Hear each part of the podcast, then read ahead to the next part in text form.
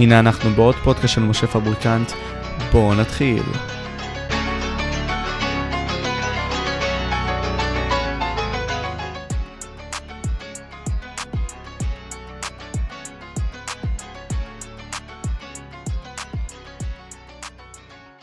ומצוין, חבר'ה, אז קודם כל, אנחנו מצלמים את זה בשישי, אז בקליק שאתם רואים את זה, שיהיה לכם יום מגניב. אני רוצה להציג לכם את אחד הקומיקאים היותר שנונים שאני לפחות מכיר בשוק הישראלי. אה, הבן אדם עצמו הוא גם סטנדאפיסט, כותב. וגם יצא, איזוש... יצא סרט ב-2017 שעשית לו אה, את התסריט, נכון? אם אני לא טועה, שגיב? כן, כן, כתבתי את התסריט. אז זהו, נכון. אז בכללי האגדה הזאת זה שגיא פרידמן, שאתה כל כך הרבה מאוד זמן בארץ, מבחינת כל מה שקשור ללהיות קומיקאי וסטנדאפיסט והכל. אז ספר לי כאילו... אה? אמרת שאני גם עורך דין, למדתי משפטים. נכון, נכון, נכון, בתואר הראשון שלך וזה. אה, אני אשמח שבאמת... לא אה? לא מתעסק בזה, אבל כן, אני עורך. כן, כן, כן.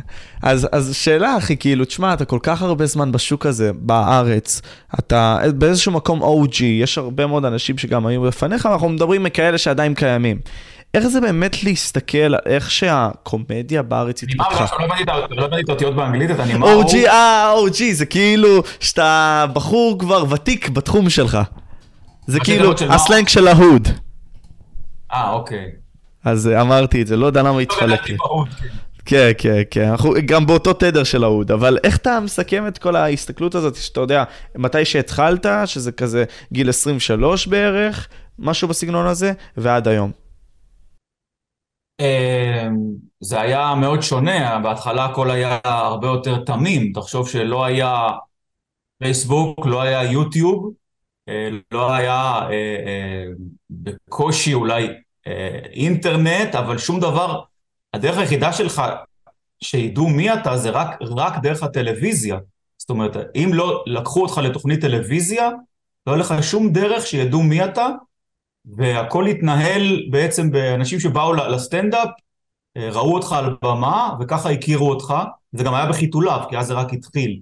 זה מאוד מאוד שונה מהיום שהכל מוכוון פרסום, ומוכוון, אתה יודע, לייקים, ומוכוון רשתות, אני לא צריך לספר לך, אתה כבר גדלת בתוך זה, אני, אני לא, אני צריך כל הזמן להדביק את הפער של דברים שאני, אתה יודע, עד שאתה קולט פייסבוק כבר נהיה אינסטגרם, אתה קולט אינסטגרם נהיה טיק טוק, אתה מבין, כל הזמן, אה, אה, אז זה מאוד מאוד שונה. מבחינת גם התכנים, אתה יודע, אז לא, לא הייתה גם ביקורת, תחשוב שהיום אתה מעלה אה, אה, קטע, אתה מקבל גם הרבה hate. אפרופו מילים מההוד, כן, אתה יודע, אז אתה מקבל, אה, כן. אה, וזה לא היה פעם, כי כמה פעמים כבר אומרים לך בקהל לא, לא מצחיק או משהו, זה נדיר, אבל ברשת אתה צריך להתמודד גם עם המון אה, אה, שנאה.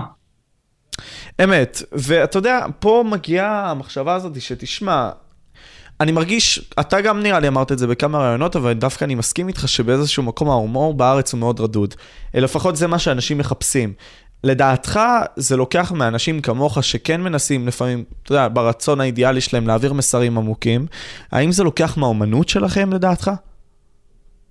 אני לא אמרתי ש... שזה רדוד, אמרתי שקשה להגיע, ל... קשה, לא בלתי אפשרי, קשה להגיע לעומקים ולפילוסופיה ולאג'נדה ולהשקפת עולם אז אה, אה, התיווך לקהל הוא, הוא הרבה יותר קשה במקומות האלה. זאת אומרת, גם אם, קודם כל קשה להיות בן אדם שחושב על הדברים האלה. זאת אומרת, זה לא שיש פה 200 לואי סי קיי ו-200 דייב שאפל, אה, והם לא, משהו מפריע להם. גם ככה, גם בארצות הברית אין הרבה כאלה, אבל אם כבר יש, או אם נגיד הם היו גדלים בארץ, אז ה- ה- ה- לתרגם את זה לשפה שהקהל יבין שזה סטנדאפ ויבוא בכמויות מסחריות והם יתפרנסו מזה, ואל תשכח גם את החלטורות. קודם כל התשובה למה שאמרת היא כן, ברור שאם אתה בא לחלטורה למלון באילת, והחומר שלך זה החומר של לואי סי קיי, אתה לא תעבור, ואתה לא תוזמן יותר. ואז או שאתה משאיר חלק מההופעה שהוא אה, אה, יעבור שם, או שאתה לא בא, או שפרנסתך נפגעת. אז בוודאי שהשוק הישראלי מכריח אותך גם ל- ל- לעשות את הדברים שיאפשרו לך לשרוד במקצוע. אז זהו, אתה יודע, אתה נגיד הוגדרת לפי הכיתה שלך גם כבחור מאוד מצחיק, בשלב מאוד מוקדם. אז אני שואל, מה אתה מנסה להשיג בתור אותו בן אדם שעומד מול הבמה ומדבר מול האנשים? האם זה יותר לבדר בשביל, אתה יודע, זה הערך שאני נותן לו בעולם, אני מבדר, או שהמחשבה היא קודם כל המסר ואחרי זה כל שאר הדברים, מבחינתך.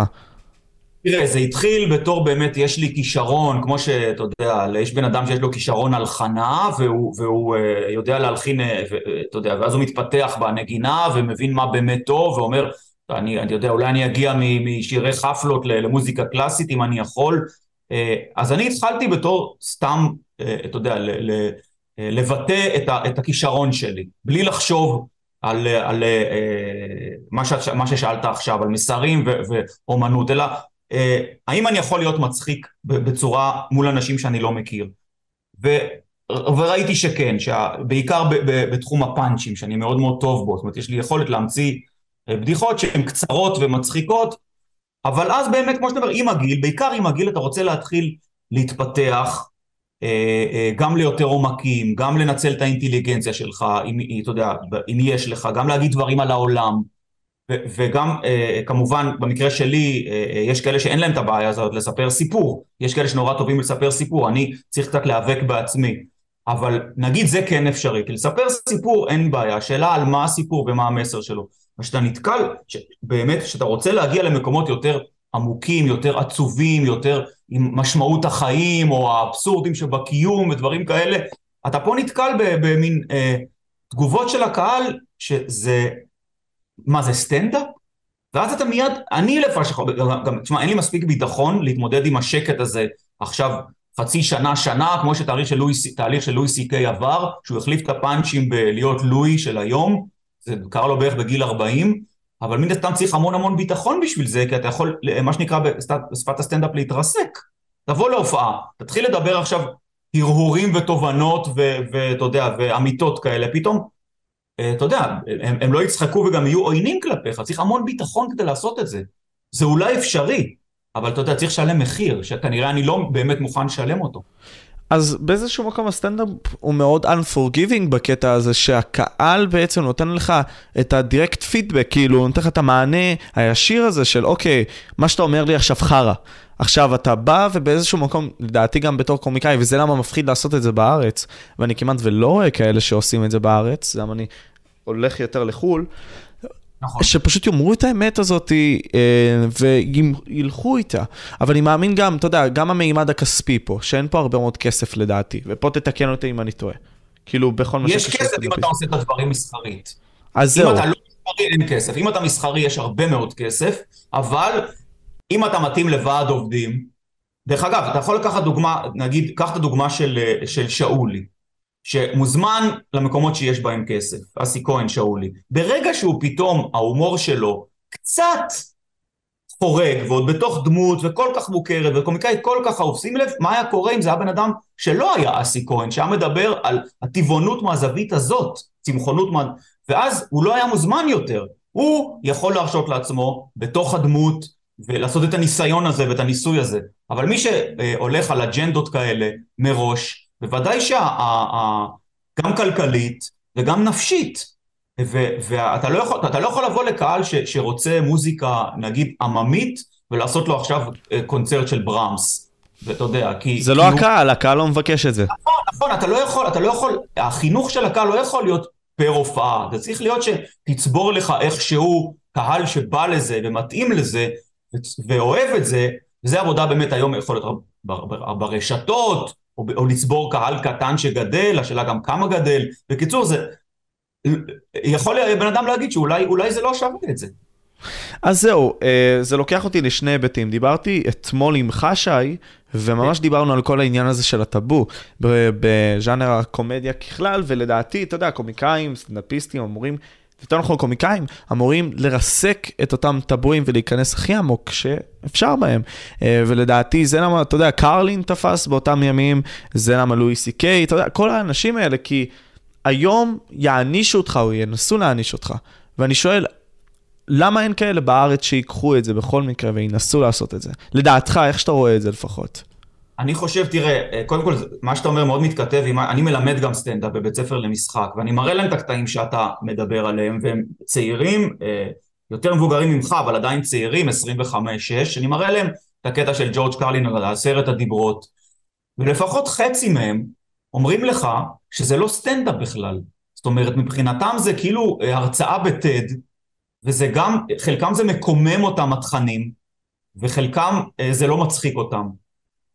ו, ו, ולכן הדבר הזה, אתה שואל, אתה יודע, אז ג'ורג' קרלין הצליח כנראה, דרך אגב, יכול להיות שבארצות הברית יש לו גם כן המון התנגדות, אנחנו לא מכירים את השוק האמריקאי כל כך טוב כדי לדעת, איך, איך, יכול להיות שיש לו גם המון המון שנאה שם, ו, וגם הוא לא הצליח כמו אה, סטנדאפיסטים, אה, אה, אה, איך הוא נקרא, הסטנדאפיסט הנורא מצליח הזה האמריקאי? פריור? אה, קווין הארט. אוקיי. אני בטוח שהוא לא, לא מביא עשירית מהקהל של, של, של קווין הארט. אומרת, אבל בארצות הברית כנראה שבאמת יש, תשמע, זה כמו, תיקח את וודי אלן, וודי אלן יכול לעשות סרטים בארצות הברית, רוב האמריקאים לא יראו את זה, אבל מספיק כמה מאות אלפים בניו יורק, כמה מאות אלפים בלוס אנג'לס, ויש וודי אלן. אם תלך למרכז ארצות הברית, לכל ה... אתה יודע, ל-white trash מה שנקרא, אז, אז אה, אה, אה, אף אחד לא רואה וודי אלן שם. נכון. אבל, אבל הוא יכול לגדול שם כי יש מספיק אנשים אינטלקטואלים ש, שמאפשרים לו. בארץ, אני חושב שוודי אלן וסיינפלד לא יכולים בכלל להתפתח. זאת אומרת, הם היו משנים את ההומור שלהם, ויש סטנדאפיסטים שבפוטנציאל יכלו להיות, אתה שואל, אתה יודע, האם אתה מכיר את אטינגר? אה, הוא סטנדאפיסט עם הומור מופלא, אבל אין לזה מספיק קהל, אז, אז, אז הוא לא מופיע. וואלה. וכ- ו- והתחרות פה בארץ, אני לא יודע עד כמה היא גדולה, אבל האם היא קיימת בכל מה שקשור בלהיות אותו סטנדאפיסט או קומיקאי? בחוויה האישית שלך. להיות, להיות זה ש... א', אני לא רואה איזה, אתה יודע, כאלה ש, שאתה אומר שמנסים להיות ג'ורג' קרלין ולא מצליחים, או תחרות על הצלחה בכלל? לא הבנתי בדיוק. עד, כי, כי, כי אה, האמת, זה יותר על ההצלחה ככלל. אה, על ההצלחה ככלל, כן. כלומר... כן, רוב הסטנדאפיסטים הם דווקא מאוד אה, ידידותיים ומפרגנים אחד לשני, ומי שטוב... אה, כמו במוזיקה, אתה יודע, אז יש נועה קירל, אז מה לא יכול להיות עוד 25 אה, זמרות שעושות שירי פופ, אז לא יכול להיות אנה זק? בטח שכן. יש מקום, אם אתה, אם אתה מפצח את הנוסחה הישראלית, יש מקום לכולם. כמו במוזיקה מזרחית, יש תמיד עוד אחד ועוד אחד, אין לזה כמעט סוף. אבל אם אתה מנסה ללכת למקומות האלה שאנחנו מדברים עליהם, של העומק, של התחכום, של האג'נדה, אה, שוב, אה, אה, אתה גם צריך להתמודד עם הרבה, יכול להיות שאם תעשה אג'נדה אתאיסטית כמו ג'ורג' קרלין, יהיה לך קהל שנורא יאהב אותך, אבל, אבל אתה צריך גם להתמודד עם שנאה מטורפת. נכון. מי שסטנדאפ שמאלני, פר אקסלנס, או סטנדאפ אתאיסטי, יקבל פה שנאה, שאתה יודע, אתה יודע איזה אישיות חזקה צריך כדי לשרוד את זה? כן, הרווח יהיה עצום אבל, תכלס בגלל זה, כאילו טראמפ תכלס זכה בנשיאות רק בגלל הדבר הזה, בגלל אותו פרסום רע. טראמפ, אתה יודע, האישיות של טראמפ היא אישיות עם, אתה יודע, יש לו הפרעת אישיות נרקסיסטית, אם היה לי את ההפרעת אישיות שלו, אז באמת אתה צודק, אבל בן אדם, אני חושב שאכפת לו מה שאומרים, זה לא, זה לא, זה לא באמת, אם יש לך את האישיות של טראמפ, אם אתה אה, סוג של כזה בן אדם, יכול להיות שבאמת אתה יכול לעשות את זה, כאילו, אתה בטח מכיר את נורם מקדונלד, שנפטר לא מזמן. כן. אתה רואה שמשהו בו, כאילו לא היה אכפת לו שלא צוחקים. אז אם היה לי את האישיות שלו, הרי נורם מקדונלד היה עולה אה, אה, בסאטרדי נייט לייב, בחזרה עושה קטע, אף אחד לא היה צוחק, והיו אומרים לו, לא יצחקו. עשה את אותו קטע בדיוק, בלי למצמץ. צריך בשביל זה איזה, איזה שלווה פנימית, או אפילו ניתוק מהמציאות, שיכול לאפשר את מה שאתה אומר, אבל צריך גם זה, וגם כישרון על כדי לספר את הבדיחות האלה, ולקחת בחשבון שהקהל בארץ, מישהו אמר לי פעם דבר, אה, אולי יעשה לך איזה אה, סיכום, הוא אמר שהקהל האמריקאי, שהאמריקאים הם עם טיפש שצוחק מדברים חכמים, והישראלים הם עם חכם שצוחק מדברים טיפשיים. ואולי זה ההבדל. אולי זה ההבדל. תשמע, יש לנו הרבה מאוד דברים שמעניינים, גם הקהל, גם הקומיקאים וגם המסרים שהם מדברים. ואתה יודע, הרבה מאוד שינויים עוברים בעולם שלנו היום, בין אם זה נניח, אתה יודע, כל ה-AIs למיניהם, שאני די בטוח שראית, השינויים האלה. אתה מפחד, או יותר נכון, איך אתה מסתכל על העולם היום? איזה דברים בעייתיים יש בעולם שלנו, כפי שאתה רואה, שגיב? לא הייתי קופץ ל-AI, נראה לי שעכשיו ניסו לעשות איזה, מנסים לגרום למחשב לצחוק או משהו כזה, נכון? קראתי איזה משהו כזה ממש של הזמן האחרון, אבל לא... נבדוק. לא מזה אני דואג, זה ייקח הרבה מאוד זמן עד ש... אה, אתה יודע, אם יהיה AI במחשב, אז בהומור, אז זה ישנה הכל, כל, כל, אתה יודע, כל, כל, כל האנשים יהיו מיותרים, כאילו, המחשב, אתה יודע, אז, אז אף אחד לא יישאר לו שום דבר, גם, לא, לא, גם, גם אותך יוכלו להחליף, ומחשב ישאל אותי שאלות, ומחשב גם יענה, אז מה שנינו נעשה? אז, אה, וגם, אתה יודע, מי יצפה בזה? אז גם מחשב יצפה בזה.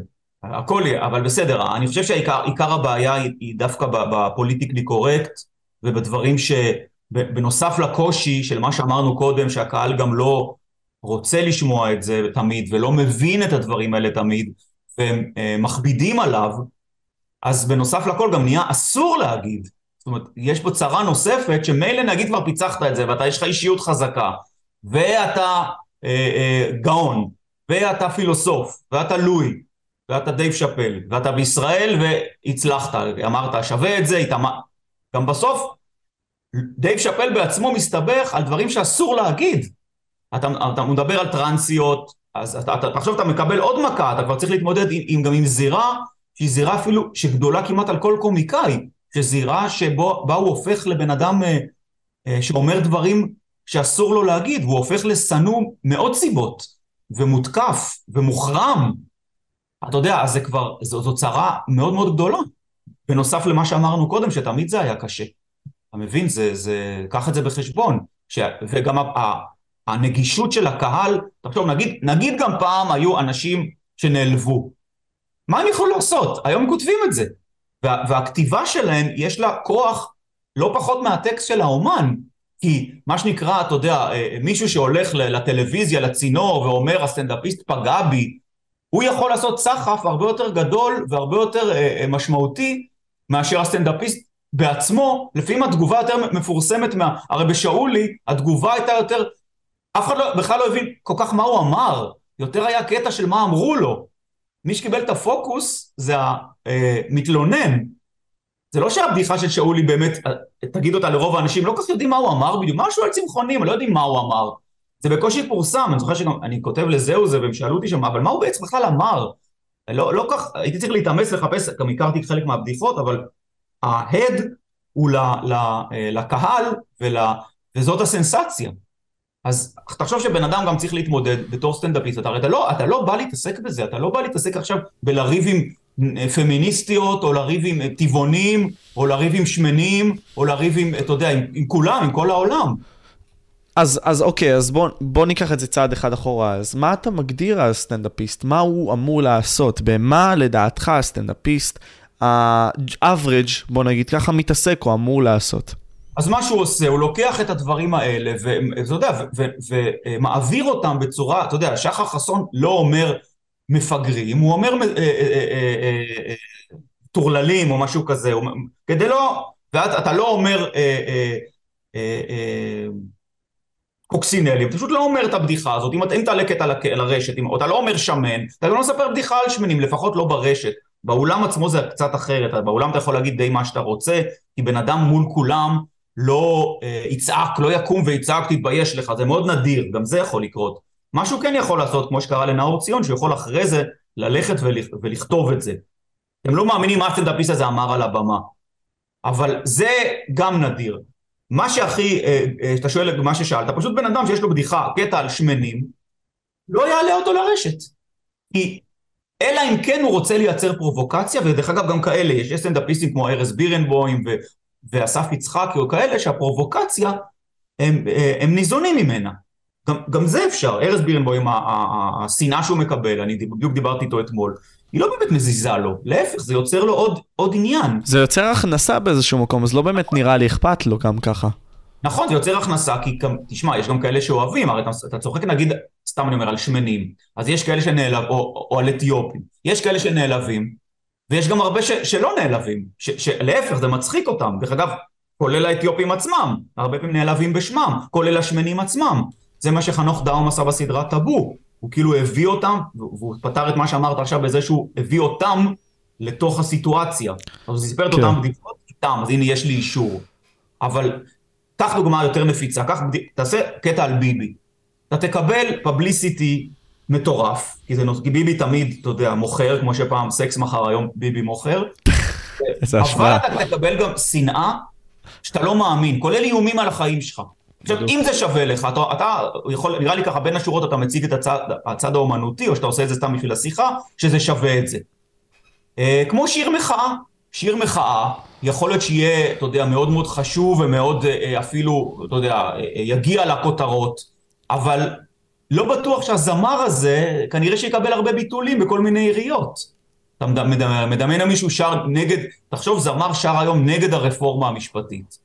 אז יהיה לזה, השיר הזה, מיד יהיה על זה כתבה בחדשות ובגיא פינס, בהכל, בטח אם זה זמר מוכר. אבל uh, כנראה ביום העצמאות הוא לא יופיע הרבה.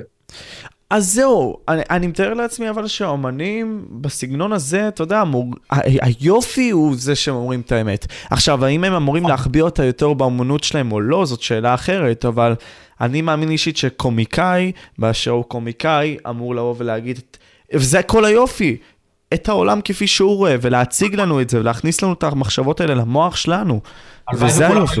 הלוואי וכולם היו כמוך. מה שעוד אפשר לעשות, זה ככה פשרה בינינו, מה שהיה, מה ש... ואתה יודע, בזמן הקומוניזם ברוסיה, ה... היו מספרים בדיחות, מה שנקרא, אתה יודע, עוד לפני זה ליצן החצר, כאילו... אוסקר ויילד וכאלה. מה זה? אוסקר ויילד וכאלה. כן, אבל הוא דווקא היה, אתה יודע, הוא הסתבך בחייו האישיים, אני חושב לא מעט, הוא גם היה אה, הומוסקסואל, ואז זה היה אסור, אבל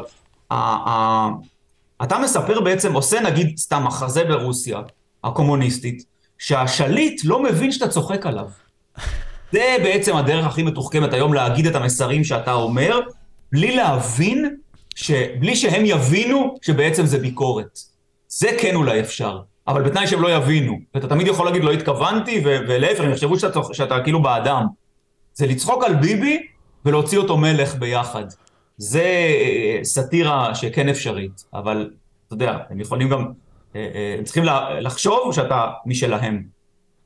ולדעתך, מי עשה את זה הכי טוב בארץ? כאילו, לדעתי ליאור עשה את זה הכי, בין הטובים לא, בארץ. אני חושב ששחר חסון עושה הרבה דברים הכי טוב, אני חושב שגם שחר חסון יכול להעביר ביקורות על, על, על דברים בצורה מוסווית בתוך כל, ה, אתה יודע, הדמויות שהוא עושה, וה... וה הסטנדאפ הכל כך כריזמטי וכל כך מצחיק שלו, יכול להיות שאם תחפש טוב אתה תמצא שם גם ביקורת מאוד מאוד מוסווית.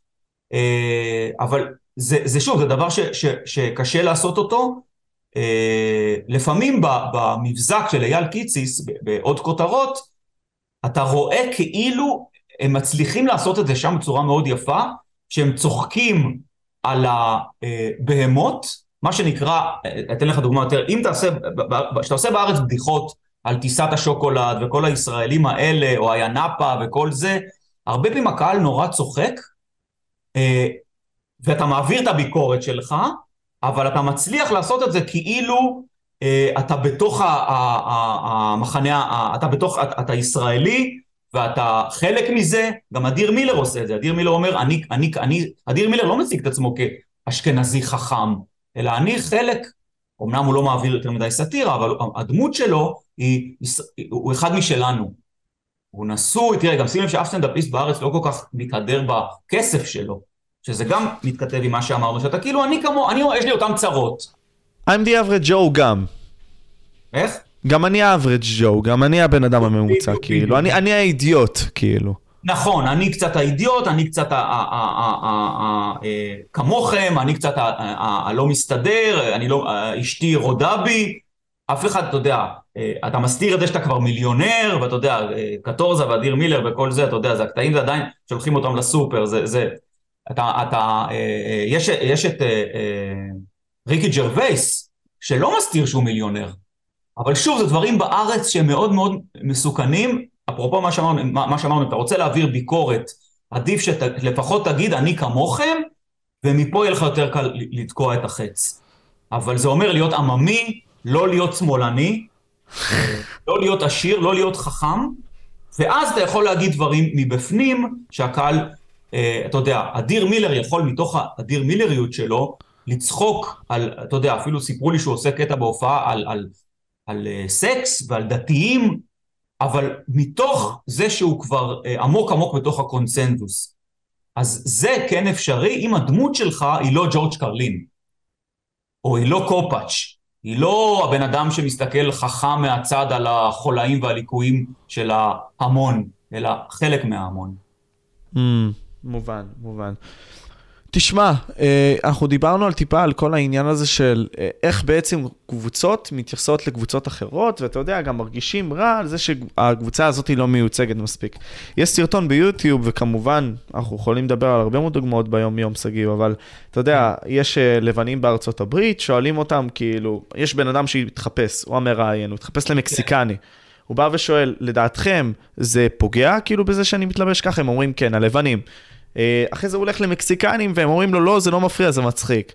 אז בדיוק. אנחנו יותר מדי נעלבים יש פה תרבות נכון. של אה, בעצם השפה שלנו התרח, התרחקה עם הזמן גם באיזשהו מקום אז איך אתה מתייחס לדברים האלה מעניין אותי לח, לחשוב. אני, אני חושב שאתה צודק במאה אחוז אני חושב שאם תעשה בדיחה על אתיופים האתיופים יאהבו האחרים יעלבו בשמם ודרך אגב זאת אני חושב הגזענות האמיתית. היא להגיד, אתה לא תצחק עליו, למה לא תצחק עליו? כי הוא בעצם כאילו חלש, או כאילו באמת מסכן, ולכן לא תצחק עליו. אבל השוויון האמיתי זה לצחוק על כולם, כי אתה כקומיקאי, הרי תשמע, קומיקאים הם לא אנשים רעים, הם אנשים שמסתכלים על העולם, כמו שאמרת מהזווית שלך, מחפשים את הליקויים, מחפשים את אי הצדק, והרבה פעמים אתה, מה שנקרא להרוג את השליח, אתה תעשה בדיחה על אתיופי מתוך האמונה שלך שאין שום סיבה לא לצחוק על כולם כי כולם שווים, מה יקרה? יגידו שאתה גזען. ופה אתה מסתבך עם, מה שאמרתי לך קודם, עם האשמות שנורא קשה לצאת מהן. ברגע שאתה מואשם בגזענות או בשנאת נשים, אתה כבר בטריטוריה שלא קשורה להומור. אתה כבר נהיה בטריטוריה של, אתה יודע, של להיות חצרוני ולהיות אנשים, אתה יודע, שאתה, שרוב הקומיקאים לא רוצים להיות שם. ומאוד זה לוקח אותי על כל העניין הזה שאתה יודע, אה, אני, אני אחלק את זה לשתי מקומות. קודם כל יש את הצד הפילוסופי של ניטשה, סתם דוגמה שהוא אומר שגם כשאנחנו רוצים להרגיש חמלה כלפי אנשים וכאלה, דברים שהם מוסריים טוב, הוא אומר שזה מגיע מהרצון לעוצמה שלנו, הרצון שלנו, אתה יודע, גם לקחת בעלות על אותם אנשים, להראות, או, אנחנו אצילים ואתם פוגעים בעצם השחורים פה, שהם מקופחים והיה להם היסטוריה כזאתי וכזאתי, כשזה לא העם שלהם מדבר על זה, זה גם אומר על משהו שלא מוציא אותנו האנשים בצורה טובה. ואני מאמין אישית שזה כמו שאתה אמרת בעצם, זה, אתה יודע, להיראות חזק כנגד הבן אדם הלא באמת חלש. סתם אתה מוציא אותו חלש. אז אתה רואה אותנו גם, אה, עם הזמן, מגיעים לטריטוריה, לדעתך, של ארה"ב, שבאמת יבטלו גם אנשים במידה והם יגידו דברים מסוימים, או ידברו על דברים מסוימים? מצד אחד זה, יש, יש השפעות אמריקאיות ואתה יודע אם, אם קריס רוק אה, נתן סטירה, אה, אה, קיבל סטירה מוויל סמית, יכול להיות שיהיה לזה חיקוי בישראל או, לת, או, או לדברים ש, שבאים משם והפוליטיקלי קורקט, אתה רואה שהפוליטיקלי קורקט, פוליטיקלי קורקט והמי-טו בהחלט מגיע מארצות הברית חזק מאוד. מצד שני יש בישראל גם אה, תרבות אחרת שהיא... אה, אה, לא, לא, זה לא יגיע לכזאת, לדעתי לכזאת רמה כמו שם, כי ה, קודם כל הרגישויות פה הן אחרות, זאת אומרת, למשל פה, אם אתה תשווה את השחורים שם לערבים פה, אה, אין מי שיגן באמת על הערבים. זאת אומרת, הערבים, אתה בסטנדאפ די יכול להגיד הכל, אין כמעט יהודים שיגנו על הערבים ויגידו, אתה לא יכול להגיד את זה. כי, ואם, דרך אגב, אם יגידו את זה, אתה יודע ממי הם יחטפו? מטוקבקיסטים אחרים. הם יעשו את העבודה. יגידו, אתה, אתה מגן על ערבים? תתבייש לך, והוא יחטוף את האש. אז, אז, אז זה דבר אחד. דבר שני, התרבות פה היא קצת, אה, אתה יודע, אה, אה, יותר, במיוחד בוא נגיד התרבות המזרחית בישראל, היא קצת יותר מאפשרת איזה גמישות, ו, ומה שנקרא, אתה יודע, יותר שכונה ויותר, ויותר דברים כאלה, שאומרים יאללה בסדר, זה פחות אה, אה, נוקשה, אתה רואה את זה גם בכל, בכל ההתנהגות של כולנו פה, הברית אתה יודע כן זה כן ולא זה לא, ושוטר זה שוטר, בארץ גם שוטר הוא לפעמים אח, תלוי ב, אתה יודע, ביום וב... ב, אבל אתה מבין, זה יותר, בארץ זה פחות רציני, הכל. בגדול, ולכן זה אני חושב לא יגיע למקומות הבאמת שהסטנדאפיסטים האמריקאים היום לא יכולים להופיע באוניברסיטאות, כי, כי אסור להם להגיד שום דבר, אז בארץ גם אם זה יגלוש לשם, תמיד יהיה את מישהו שיקום, יאללה יאללה תן לו לדבר, מה אתה כבד? אתה מבין? יהיה גם את, את הצד הזה, וזה גם יש בישראל, שזה טוב. זה לגמרי טוב. ואתה יודע, מעניין אותי אז להבין את המניעים שלך לכל העניין הזה של הסטנדאפ, כי דיברנו על, אתה יודע, על לומר את האמת, דיברנו על הבידור הזה, איפה אתה מוצא את עצמך אה, בהסתכלויות האלה? בעצם מה אתה מנסה להעביר? ולמה בעצם משך אותך לסטנדאפ? לא, אני יכול להגיד לך שאני, אתה יודע, יש את ה... אה, אה, הייתי בסיור על, על, על אה, סיינפלד בניו יורק, ויש את קרמר האמיתי, שאתה יודע, יש אחד כזה שהיה קרמר ועליו מבוסס, מבוסס קרמר, הוא היה חבר של לארי דיוויד. אוקיי. אז, אז הוא אמר שלארי דיוויד זה בן אדם עם, עם דם חם, עם עצבים, אבל with no guts, זאת אומרת הוא מתעצבן ואין לו אומץ לעשות שום דבר, הוא יכול להתעצבן עליך והוא לא יכול לממש את זה. אז אני את האג'נדות שלך מסכים איתן לגמרי, אין לי אומץ ואין לי מבנה נפשי ללכת עם זה עד הסוף. זה המקרה האישי שלי. אז אני תמיד, בסוף, אם אני אקבל יותר מדי, אה, אה, יעלה קטע, העליתי קטע אה, אתמול בטיק טוק, ותכף נדבר גם על, על, על ההצלחה, זאת אומרת, אתה, אתה, הפרובוקציות האלה, נגיד ברשת, יכולות לגרום לך להמון פבליסיטי, להמון... אבל ברשת אני מתכוון, כי ברשת, אתה יודע, יש חוקים אחרים מאשר במה. ברשת יש פרובוקציות, ופרובוקציות שם מתקבלות, אתה יודע, יכול להיות ויראליות, אה, אבל, אבל אה, המחיר הוא, הוא שנאה. ואני בנוי ככה, שנפשית זה מתחיל למוטט אותי. זאת אומרת, אם אני מעלה קטע, ואני מתחיל לקבל מלא מלא, אתמול העליתי קטע על, על, שיש בו, לדעתי זה, לא חשבתי שהוא פוגעני, אבל דיברתי על זה ש... קשה למצוא את היום של הביוץ לאישה, וצריך לעשות הרבה חישובים, ואיך החרדים, זה 14 יום ועוד אחד, לא משנה, ואיך החרדים תמיד פוגעים בול ולא לומדים מתמטיקה. עכשיו, הקטע הזה הוא קטע שבהופעה הוא סביר, ואני גם לא, לא תמיד עושה אותו, גם לא כזה מצחיק בהופעה, כי הוא קצת הבחנתי כזה, אתה יודע, ולפעמים מצחיק, לפעמים, והוא הכי הצליח בטיקטוק ממה שהעליתי עד היום, אבל בשלב מסוים הייתי לפני הופעה אתמול, הפסקתי לקרוא את התגובות, כי התחלתי להיכנס, אתה יודע, לפחדים, לא מצחיק, לא מצחיק, תפרוש. אני לא, אני, לא רוצה, אני לא עושה את זה בשביל לקבל שנאה. אז זהו, זה, זה בדיוק זה, זה המחשבה של איך אתה רוצה ליצור את הדמות שלך ברשת, ואני נתקל בזה, אתה יודע, עם עולם יצירת התוכן. כלומר, יש לנו, לא יודע אם אתה מכיר, אבל את דניאל יונה, אתה יודע, שהוא מאוד כן. ידוע בטיקטוק. וזה עם המשפט הזה, לא? אה, אם אני אתעצבן אה, עליהם, אם אני אשמע... עם איזה, איזה משפט? אם אני אשמע, זהו, זה שאומר את זה, אם אני אשמע, לא, לא, לא. הוא שחקן כדורגל כזה, שיער ירוק אה, כזה. כן, יש אחד אומר, אם אני אשמע, זה גם אחד שאתה בטח מכיר אותו. אם אני אשמע! אה, כן, כן, כן, כן. ודן, אז, אז שמע, כאילו, יש הרבה מאוד דמויות, ודניאל יונה הוא מבין הדמויות המרכזיות האלה. והוא תכלס עושה את מה שאתה אמרת, ש... אתה יודע, אפשרי לעשות, וזה לעצבן את האנשים, כי האלגוריתמים מקדמים את זה, כי עכשיו, אם אתה בוחר צד באיזשהו משהו ואתה מספר את זה בצורה מעניינת, זה קוראים לוויכוח, זה קוראים לבן אדם להישאר אצלך יותר בסרטון, ואז הסרטון הרבה יותר גדל, ככה זה עובד. מה הוא עושה דניאל יונה? תן לי דוגמה. דניאל יונה הוא יותר פרובוקטור, כביכול אה, מנסה, אתה יודע, להראות את עצמו כמוזר, הולך למקומות שאנשים... אה, הוא לא סטנדאפיסט. אה? לא סטנדאפיסט. הוא לא סטנדאפיסט, הוא לגמרי, הוא דמות, הוא דמות לגמרי, דמות שמשחקת את עצמה, לא יודע למה להשוות אותה אפילו. אפשר לדבר אחר, זה לא, דרך אגב, לא בטוח שצריך, אני לא יודע כמה כישרון יש לו, אני לא מכיר אותו, אבל לא בטוח שזה כישרון אומנותי, אתה יודע, כדי להרגיז לא צריך כישרון. לא, אז כן, בדיוק, אין לדעת, אבל הוא עושה את העבודה שלו מטורף. כלומר, הוא באמת הצליח, הוא גורם לאנשים לדבר עליו בכך שהוא מוזר. חול? כמו חצרוני? כמו חצרוני, אבל בתחום שלו. אוקיי. בסדר, אז כן, כמו שאמרנו קודם, זה ברשת, ששוב, אתה פה, אני צריך לראיין אותך, כי אני לא מבין בזה הרבה, יש חוקים אחרים אה, מאשר, ב, ב, אתה יודע, באומנות. ברור ש... תראה, ברור שבן אדם כמו... אה, אה, אה, איך קוראים לזמר הזה? דודו פרוק. הוא תופעת רשת. על במה זה לא היה מצליח, זה גם מתפוגג, אבל זה לא היה מצליח ככה, אה, כמו שזה הצליח על רשת, כי התוכן המוזיקלי שם הוא, הוא לא היה מושמע בגל"צ ובגלגלצ של פעם, ואתה יודע, זה, זה, זה קרה בגלל האזורים הפרובוקטיביים, נכון. זה רוח התקופה גם באיזשהו מקום. כן, מבחינה ביולוגית ויצרית, הרע מתעלה אצלנו יותר מהטוב וכל מיני כאלה, סבבה, אבל גם הדור שלנו, אתה יודע, זה לגדור בדור שאתה יכול לדחוף לו את כל הדברים היצריים האלה וזה, ואז, אתה יודע, ככה סרטון מתפוצץ, ואתה מכוון לקהל יותר צעיר. הקהל נכון. היותר מבוגר עדיין נמצא בטלוויזיה, כאילו, סגיב. די נכון. בטוח.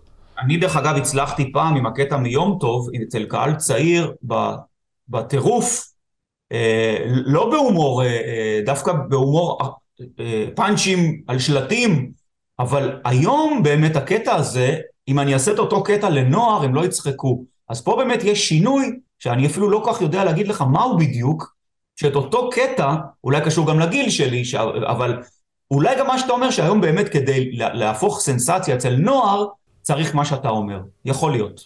אני, אני מאמין שזה משהו ששופנאוור אמר, כאילו הוא אמר, אתה צריך לכוון ליצר בצורה הכי אובייקטיבית שיש. זאת אומרת שלדבר, הרשתות החברתיות גרמו לנו להבין מה בעצם אנשים יותר רוצים, רק עם העובדה שאתה פשוט מבחין ועושה reverse engineering, כלומר, אתה עובר באמת על הסרטון, מנסה להבין בעצם למה הוא הצליח, אתה יכול לראות את הדברים האלה. וזה למה נגיד סתם, האנשים האלה בראפ, בהיפ-הופ, בהודים וכאלה, אתה יודע, עושים ממבל, מדברים כאלה, וזה נשמע רק טוב, וזה מספיק. ואז אתה רואה. שירים שעוקפים שירים כל כך עמוקים וטובים, שאנחנו גדלנו עליהם. כמו שקרה בגנגנם סטייל, ששבר את שיא הזה, אבל, אבל עדיין יש גם משהו אולי שאתה, שאתה צריך לקחת בחשבון שגם בכל העולם הזה יש עדיין דברים לא צפויים שהם לא מהמקום הפרובוקטיבי, כמו למשל, אתה יודע, אני לא מבין כמוך, אבל הדוגמה עכשיו של ההצלחה של השוקולד מנטה מסטיק, השיר הזה, היא באה ממקום לגמרי לא צפוי, זאת אומרת, יש הפתעות. פתאום משהו תופס, ואלוהים יודע למה. גם זה יש. פתאום. אני אגיד לך, בכל מקרה זה עדיין עובר את הפילטור שלנו, אתה מבין? אז זה אומר משהו עלינו. אם הסרטון הזה צבר הרבה מאוד צפיות, אני מניח, כן, כל עוד יוטיוב לא פמפם את זה בצורה פסיכית, שזה לרוב לא קורה, אז זה משהו אומר עלינו שאנחנו אוהבים בדברים האלה, ואפשרי לנתח את זה ולהבין את רוח התקופה. אבל זה בדיעבד, אתה לא יכולת בחיים, אם היית אומר לך עכשיו, אני ואתה ועוד אחד רוקדים, אה, כל אלמנט המסטיק, היית, היית, בחיים לא היית מאמין שזה יצליח, זה רק בדיעבד. מסכים. מסכים, מסכים לגמרי.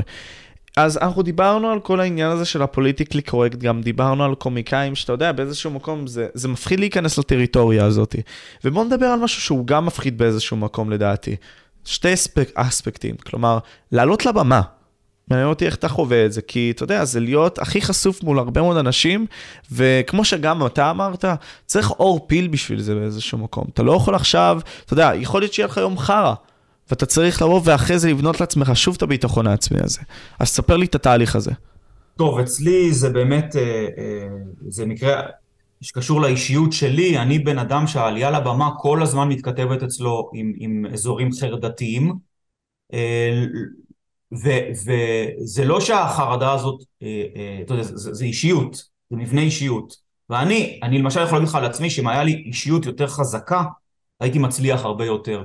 אני, ההתמודדות עם ה... אפילו אפשר להגיד שיש לי סוג של פחד קהל, שאני... אה, אה, ואם הדבר הזה לא היה לי, אם הייתי יותר חזק בראש, אז גם היה, היה לי יותר אומץ מהסוג שדיברנו קודם, וגם הייתי מצליח יותר, כי הייתי סומך על עצמי שאני אתפקד תמיד במאה אחוז, ואני לא יכול לדעת את זה. אבל זה באמת עניין לפסיכולוג ולא, ולא ל... זה כאילו, אתה יודע, מה שנקרא, אה, זה, זה, זה מבנה נפש ספציפי של בן אדם. אם אתה מדבר על באופן כללי על החוויה של לעמוד מול קהל, בוודאי שזו חוויה מפחידה והכל, אה, אה, אבל אצלי ספציפית זה יותר דברים שקשורים בבעיות אה, שלי.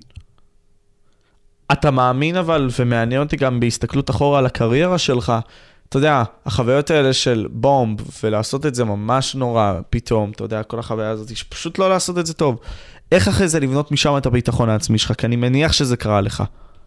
במהלך הקריירה? תראה, אם כבר אתה מדבר על זה, חרדה לא קשורה במציאות. זה לא שהחרדה זה דבר שקורה לך בתוך הראש. ואם אתה בן אדם שהוא לא חרדתי, אז גם אם אה, אה, קרה לך ולא, ולא צחקו, אז אתה מגיב לזה בצורה נורמלית. כמובן שאני לא מדבר על חוסר מודעות. אם אתה, אני הרי יודע שאני טוב, אני יודע שאני מוכשר, זה לא שיש לי ספק בזה. אבל החרדה, תראה, יש חרדה שהיא גם ממעליות, וחרדה שהיא, אז מה, אתה באמת, הרי אתה מבין שמעלית זה לא באמת דבר מסוכן, אבל בכל זאת יש לך, אולי אתה בן אדם בלי חרדות והרווחת, אבל, אבל, אבל אם יש לך חרדה מטיסות, או חרדה מג'וקים, או חרדה ממקומות סגורים, זה לא, אה, אה, זה, זה באג, ואצלי הבאג הזה קשור ל, ל, ל, לעלייה לבמה ולזה שיראו אותי ברגעים מביכים, וזה שאני לא אתפקד, ופה אתה נכנס לסחרור כזה. הדבר עצמו, אם הוא, הוא, הוא מפחיד גם בן אדם שאין לו חרדות, נכון, כי לעלות על במה זה דבר מפחיד וקשה, אה, אה, ולכן אפשר להבין אה, למה זה מתלבש על החרדה, זה לא, זה לא מופרך כמו מעליות, אם כי להיות מושפל מול אנשים, אתה יודע, זה... זה יש לך הרבה יותר מה להפסיד פשוט. לא, אבל אם אתה חושב על זה רציונלית, לא מתים מזה. זאת אומרת, החרדה בטבע באה מפחד מאריה, שאתה צריך אה, אה, להחליט מה אתה עושה בשלוש שניות לפני שהוא אוכל אותך, או דוב. על במה, הצד הכן רציונלי בחרדה, שאתה אומר זה, זה פדיחה, זה, זה, זה בושה, זה, זה... מצד שני, פעם איזה, איזה, שאלתי הרבה אומנים, פעם שאלתי איזה, איזה, איזה באופרה, איזה, נראה לי איזה, איזה זמרת אה, אה, רוסייה, מה, מה קורה אם, אתה יודע, אתה פתאום מאבד את הכל, אז היא אמרה, נו, אף אחד לא מת. זאת אומרת, אתה מבין, הכי גרוע, אז לא תקבל את הכסף, דרך אגב זה גם דברים שאתה עובד כדי להרגיע את עצמך. אם עכשיו, אתה יודע, אתה תעשה את השיחה הזאת שלנו ואף אחד לא יראה אותה, אז, אז מה? אתה יודע, אם אתה בן אדם חזק, הרי לא יקרה כלום. אבל בראש שלך מתחילות מחשבות של שנאה עצמית, וביקורת, וסחרור. זה עבודה פסיכולוגית פר אקסלנס. זה ממש חזק, אתה אומר לי שמבחינה ביולוגית והישרדותית, יש לנו דברים שבעצם בשעות מסוימות יוצאות מאיתנו, אתה יודע. אה, ואנחנו בזכות הרציונל שלנו, בזכות המוח שלנו, יכולים לנהל אותם, ואני אקח את זה כדוגמה יותר המחשתית, זה כמו, אתה יודע, לרכב על סוס. אם אתה לא מוביל אותו, הוא, אתה יודע, יעשה מה שהוא רוצה. כלומר, אני משווה את הסוס ליצר. אך אם נניח אתה, אתה מפעיל עליו את הלחץ, מעניש אותו כשצריך וכל מיני כאלה, אתה יכול גם לשלוט על היצר הזה. אתה יכול לשלוט על עצמך בזכות הניתוב הנכון של הסיפור הנכון, או שליטה, עונש וכל מיני כאלה. הרבה עבודה, אף אחד לא מבטיח שזה תמיד יהיה, ואל תשכח שתמיד יש את הפחד שבהופעה הבאה זה יחזור. מה הבעיה בחרדה? זה אומר, אוקיי, הכל בסדר, אבל אין לך, פי, תאר, תאר לך מה קורה, וזה בעצם הפחד הגדול שלי, שפתאום בוא ניקח את זה לדבר יותר שפת עם, בלקאוט. כאילו, מה עושה שחקן בתיאטרון שיש לו על הבמה בלקאוט? זאת אומרת, אתה באותו רגע לא יכול, לא זוכר מה אתה צריך להגיד. תחשוב, זו סיטואציה, מבחינת ההצגה, לא מבחינת החיים, מבחינת ההצגה היא נוראית. ואם אתה כל הזמן מפחד מהרגע הזה שזה יקרה, אז זה לא יעזור כמה עבודה שכלית אתה תעשה, כי א', אה, אף אחד לא הבטיח לך שזה, שזה לא יקרה. וכמה עבודה שעשית ולשלוט וכמו בסוס אף אחד לא מבטיח לך שהסוס לא ישתולל למרות שאתה הרוכב הכי טוב בעולם. דרך אגב זה, זה קרה. קרו מאלפי אריות שהאריה אכל אותם. אבל אם אתה כל החיים אה, אה, מפחד מזה אז אתה לא תוכל ל, ל, ל, אתה יודע, לתפקד במקצוע שלך. ואני כל הזמן מתכתב עם האזורים האלה עם עצמי. זה שאני אין לי ודאות שזה לא יקרה. אין לי. ועם מבנה אישיות אחר זה בכלל לא חלק מהאג'נדה שלך. הרי זה נכון. לא לכל... זה כמו דיכאון. מי שלא בדיכאון, הוא לא מבין מה, מה, מה זה דיכאון. אתה מבין? הוא לא מבין את זה בכלל, כי אין לו את, את המרכיב הזה באישיות. אבל שוב, זה המקרה האישי שלי, ואני חושב שאם לא היה לי את הצד החרדתי, דרך אגב, גם יש לי צד אה, יותר דיכאוני, אבל הוא פחות מפריע להופעות, כי, כי הוא לא מפריע לתפקד, אתה רק נורא עצוב, אבל אתה יכול לתפקד. אתה מבין? החרדה יותר גרועה בהיבט של, של במה. מעניין אותי איך אתה מסתכל על דיכאון. Uh, יש משהו שאחד האנשים, אם דיברנו על עולם התוכן, אחד האנשים המשפיעים שם, אמרו, קוראים לו אנדרו טייט, הוא אמר שאין דבר כזה דיכאון. עכשיו, אני אנמק את איך שאני מסתכל על זה, מעניין אותי איך אתה מסתכל על זה.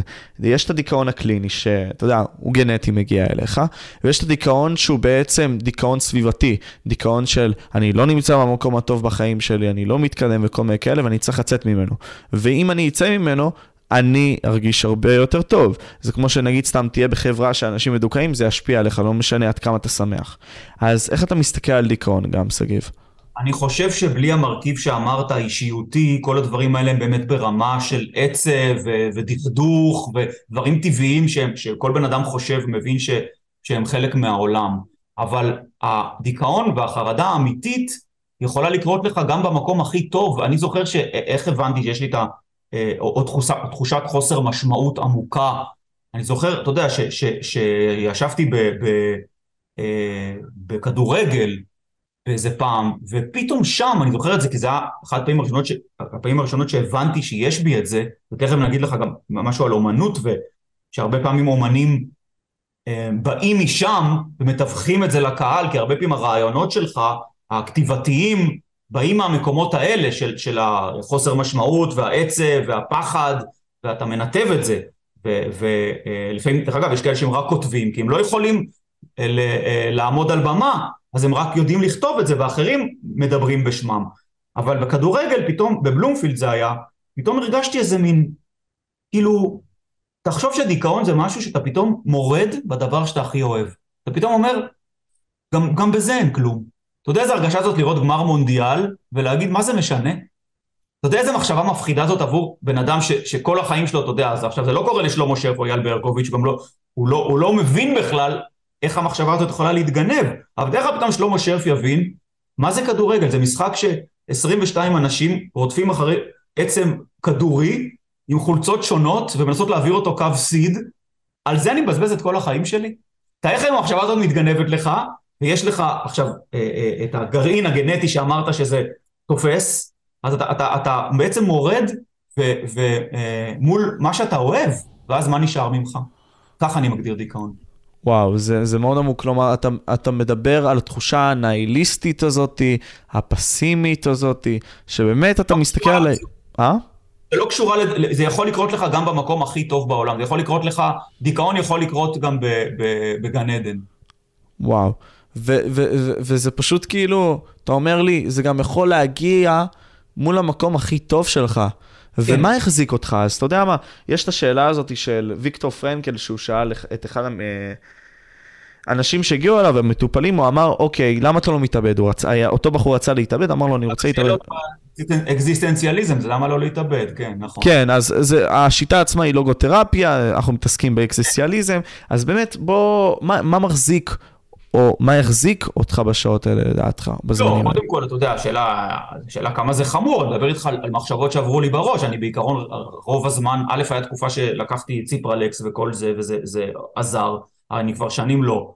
אבל, אבל uh, אני לא רק, אני לא, uh, כנראה שהדיכאון שלי, תראה, מי שהדיכאון שלו דיכאון מז'ורי, באמת, לפעמים גם מתאבד. מי שמתאבד לא מתאבד, אתה יודע, מזה שיש מהפכה שיפוטית. אף אחד לא מתאבד מדברים כאלה, ולאף אחד זה לא אכפת באמת, זה, ההפגנות האלה, אתה יודע, זה לא, העצב האמיתי הוא עצב, מי שמתאבד הוא, הוא בדרך כלל מדיכאון, או, או, או, או משהו נפשי, אתה מבין? אז, אז, אז, אבל, אבל השאלה כמה זה חזק, ו, וכמה אתה מטפל בזה, אז אצלי זה כנראה לא ברמה הזאת של אובדנות. זה שאתה עצוב בכדורגל זה עוד לא אומר שאתה לא רוצה לחיות, אתה יודע, מרחק, בכל זאת זה קפיצה, וגם להתאבד, זה, אתה יודע, זה, זה לא קל. אם היה כפתור בבית של כל אחד כמו כפתור של טלוויזיה, יכול להיות שכולם היו מתאבדים. פשוט זה לא כזה פשוט, זה קשה. אחרי הכפתור שאתה לוחץ, ביי. זה יכול להיות, אבל אה, תשמע, זה גם פשוט, אתה יכול גם לקחת סכין ולתקוע בראש, לא? אה, אתה יכול, מה שאמרת עכשיו הוא בלתי אפשרי. כן? אתה לא יכול לעשות את זה, היד שלך תעצר. ראית פעם מישהו יתאבד ככה? אין כזה דבר, אתה צריך לקפוץ מבניין. למה? כדי שאתה לא... לקפוץ אתה יכול, אבל לתקוע את הסכין אתה לא יכול. ראית מישהו שדקר את עצמו? לא, לא, לא, לא, לא ראיתי. רק היפנים מסוגלים, זה בלתי, אתה יכול לדקור מישהו אחר, אבל לא את עצמך. לעשות החרקירי לעצמם. רק יפנים כן. יכולים, זה רק יפנים. אנשים פסיכיים. תשמע, אנחנו דיברנו, סתם העלית את זה בקטנה, את המהפכה החוקתית הזאת וכל מיני כאלו, תלוי איך שאתה מסתכל על זה, באיזה סקאלה פוליטית. מעניין אותך הפוליטיקה ככלל כבן אדם? אתה מנסה לשים את הראש שלך שמה, או שאתה מנסה לשמור את עצמך מהטוקסיקיות הזאת? אני מתעניין בפוליטיקה, אני קורא עיתונים בוודאי, אבל אני לא, ההומור שלי הוא לא הומור סאטירי, זאת אומרת הממשלה והפוליטיקאים לא אה, מעסיקים אותי כאובייקט אה, סאטירי קומי, כי אני גם לא שותף לדעה שהם מטומטמים, אני לא חושב שהם מטומטמים, אני לא חושב שהם אסון למדינה, לא חושב שאם זה נבחר ולא זה, אז אני לא בן אדם פוליטי במובן הזה. אני כן בן אדם פוליטי, יש לו דעה, אני פשוט לא, לא נוטה אחרי השיח הזה שכולם מושחתים וכולם חולרות, אני דווקא חושב שאני שומע אותם ורובם אנשים הרבה הרבה מעל הממוצע, רובם. מבחינה ש... אינטליגנטית, אני, אני מניח שכן. גם, גם האלה שהם כאילו לא אינטליגנטים בכנסת, הם עדיין הרבה יותר אינטליגנטים מהמוכר ירקות שלך. אה, מבין המוכרי ירקות, הם, הם, הם, הם, אתה יודע, כדי להיבחר אתה צריך להיות פופולרי, זאת אומרת, בדיוק אה, אמא שאלה אותי, אמא שלי שאלה אותי, היה את הרעיון עם אהרון ברק ברוני קובן, אני מקווה שראית, ואם לא אז תראה, איך אחד כזה לא נבחר? אמרתי לה, אמא, כי אחד כזה לא מדבר להמונים, אתה ראית מה קרה עם עופר שלח, עופר שלח יצא החוצה, הבין וחזר לפרשן NBA עם סימי ריגר בלילה. הוא ניסה. הוא לא, כן, הוא לא יכול להיבחר, כי הוא חכם מדי, והוא לא פה, אה, אתה יודע, אז, אז האנשים האלה, הם, הם, אה, כן צריכים שיהיה בהם מרכיב פופולרי, פופוליסטי, עממי, לרובם, אבל הם עצמם הרבה יותר, זה כמו לכתוב, כמו לכתוב טלנובלה. אתה צריך להיות פי אלף חכם מהטלנובלה. נכון, מסכים אותה. איתך, מסכים איתך, לא חד משמעית. אני פשוט טיפה חולק עליך, שגיב, לדעתי, בעניין הזה ש... לא, קודם כל אני אסכים איתך בדבר ראשון. כמובן שהם הרבה יותר חכמים מהאדם הממוצע, אין ספק. אה, אני גם מאמין שחלקם באים עם כוונות טובות, אבל יש קמצוץ די גדול, שבגלל האינטרסים ובגלל העצם העובדה שהם נשארים גם בממשלה, אז הם לא באמת מעבירים את המסרים קודם כל שהם רצו להעביר. לא, לאותם אנשים, לאותם אנשים פשוטים. גם, תכלס, אנחנו אשמים בזה, אנחנו מה זה רדודים בקטע הזה? אני אגיד שאנחנו רדודים. כי אנחנו לא נוברים אפילו לקרוא את המצע בחירות, אנחנו פשוט, אתה יודע, מקשיבים לסיסמאות וזהו. מישהו קורא? אתה חושב, ש... אתה חושב שאלה שמפגינים נגד הרפורמה יודעים מה זה פסקת ההתגברות באמת? הם לא יודעים. רובם לא יודעים. כי, כי אני למדתי משפטים הרי, קודם כל זה לקרוא חוק, אם, אם עכשיו אתה קורא את פקודת מס הכנסה, אתה באמת מתאבד. אפשר לקרוא את זה. אפשר לקרוא את זה, כמו שאי אפשר לקרוא חוזה. עורכי דין זה אנשים, אתה יודע, זה, זה בשביל הכסף אתה עושה הרבה דברים, אבל זה, זה, זה טקסטים בלתי אפשריים מבחינה אה, אה, דקדוקית, מבחינת שעמום. אין דבר בעולם יותר משעמם מחוזה. אין, אין, ו- וחוק.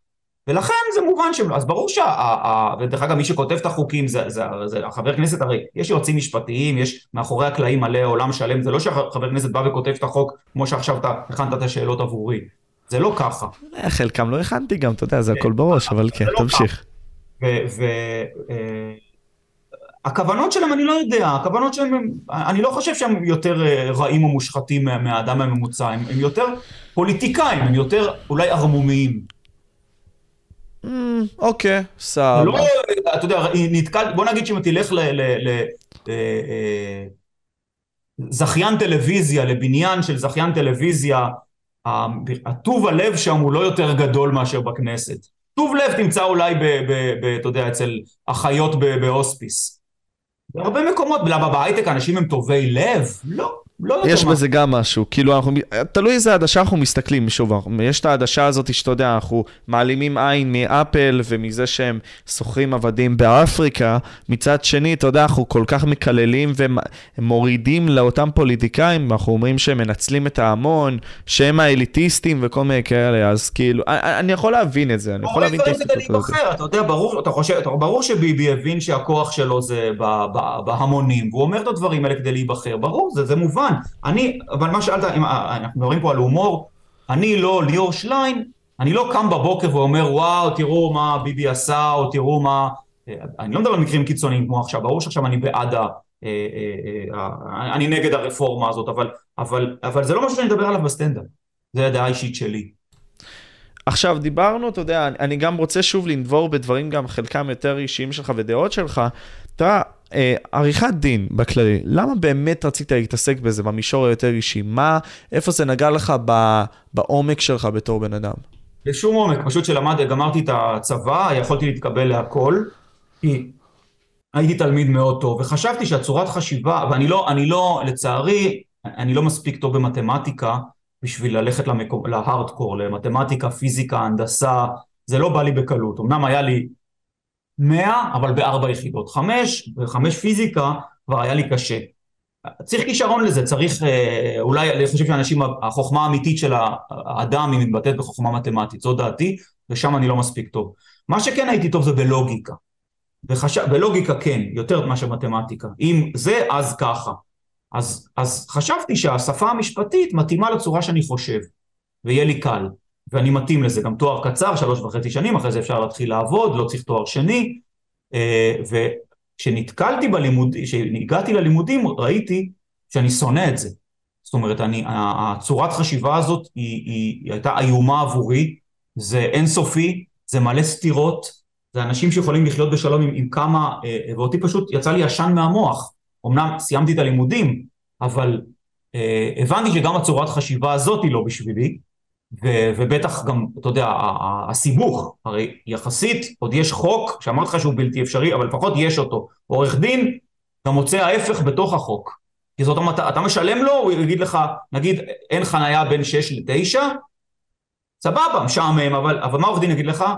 לא, זה בין, זה בין 6 ל-9, אה, הפוך אבל, אין חנייה בין 6 ל-9, אה, אה, יש יכול להיות או ביום או בלילה, נכון? נגיד החנייה מותרת בין 6 ל-9. אז הוא יקרא את זה הפוך, יגיד בין 9 ל-6, מותר לחנות מ-9 עד 6, הוא יהפוך את המקף, קוראים את זה מימין לשמאל, סתם דוג... אתן לך עכשיו דוגמא סתם באלתור, איפה, איפה שאפשר לסבך הם מסבכים. אני זוכר ש, ש, שלמדנו אה, אה, על מגיל, הצהרת העצמא, מגילת העצמאות, אה, אנו מכריזים בזאת על הקמת מקימה מדינה יהודית בארץ ישראל, היא מדינת ישראל, אוקיי? עכשיו, מה, מה, מה לא אתה לומד במשפטים? מה השם של המדינה? ישראל? לא, מדינת ישראל. הנקודתיים זה לפני, מדינת ישראל. זאת אומרת שכל פעם שכתוב בחוק ישראל, זה לא תופס, כי לא כתוב מדינת ישראל. ואתה אומר, אוי ואבוי לי. עכשיו את זה אני צריך לשמוע, אתה מבין, אתה, אתה, אתה, לא עמדתי בזה. זה, מה, מה? זה כאילו, גם ככה חיים קשים, אבל יש להם אינטרס לעשות את זה כדי לסבך לסבך, ושופטים יש להם את היכולת להחזיר את זה איכשהו למשהו, אתה יודע, וזה אני מעריץ שופטים. לוקחים את כל הבליל טענות האינסופי הזה, היה תקופה, מה שהכי אהבתי במשפטים שהיה תקופה באנגליה או בצרפ, באנגליה, שמי שעורך דין שאמר שהוא, שהוא אה, אה, אה, לא מבין את החוק, או שניסה לסבך אותו, זרקו אותו לנהר. זה החוק. אתה אומר, זה לא ככה, זה הדבר היחיד שאני אהבתי במשפטים. אה, אתה יודע, פשוט אנשים נורא חכמים, שמבלבלים את המוח ואת, ואת השכל, וזה לא היה בשבילי. אז עזבתי את זה. בזכות, אם, אם, אז זהו, זה הטוב והרע ברציונל באיזשהו מקום, עם המוח שלנו. אנחנו יכולים גם לשכנע את עצמנו בדברים שלא קיימים, בשביל לקבל את המטרה שלנו, בשביל להשיג את מה שאנחנו רוצים. וזה הטוב והרע, אה, ומעניין אותי גם איך אתה מסתכל על זה על בני אדם, עם ההבנה שהם יכולים להיות כאלה, אה, ויכולים לעשות את זה. ואמרת שגם את החשיבה הזאת לא כל כך אהבת. איך אתה לא, מסתכל על בני אדם? זה לא, זה לא מחשבה על החיים, זה מחשבה על, על, על אתה יודע, אין שם שום דבר שקשור ל, למה ש, שאמרת עכשיו, זה, אתה יודע, יותר חשיבה אולי קולנועית, הטוב והרע, ושאלה מוסרית, במשפטים זו שאלה אה, אה, לוגית, אה, אה, אה, אין, אין, אין, אין לזה שום, אה, אין מבחינתי שום ערך אה, אה, אמיתי לכל הדיונים האלה, חוץ, מ, חוץ מלהשיג אה, אה, ניצחון בתביעה ולקבל יותר כסף. הנה, בסעיף הזה של הביטוח הם התכוונו גם לזה. זה לא קשור לטוב או רע, אתה מבין? זה, זה, זה משהו אחר. השאלות שאתה אומר עכשיו זה שאלות יותר קשורות לקולנוע, לפילוסופיה, לזה... משפטים זה תחום שהוא, אתה יודע, הוא תחום פרקטי. אז אם, אז טוב, תודה על ההבחנה. וואי, תשמע, אני, אני לוקח את זה מאוד בסלואו כזה, אני מאוד נינוח, זה לא טוב. יש לי איזה גם סיפור למה אני כזה, אבל תשמע, אה, כל העניין הזה של אז להסתכל על בני אדם, כי אמרת שבמשפטים זה שונה. איך אתה באמת מסתכל על האנשים הפשוטים? כי אתה יודע, יש הרבה מאוד מאיתנו שיבואו ויגידו על אנשים, אנשים טיפשיים, ליד איזה אנשים אני נמצא. בתור בן אדם כבר על הכדור הזה, כבר יובל שאתה נמצא כאן. איך אתה חווה את העולם? זו שאלה, אתה יודע, יש, יש, יש פסגות ויש יש שפל, יש, יש אה, גאונות ברמה שאי אפשר לתאר. מה שכן אני יכול להגיד שבסוף זה מסתדר איכשהו, שלמרות שיש הרבה מטומטמים, בסוף למעלה לרוב מי ש... זאת אומרת, בסוף אהרון ברק הוא נשיא בית המשפט העליון, אה, אתה יודע, ולא כדורגלן מליגה ג'. בסוף זה מסתדר.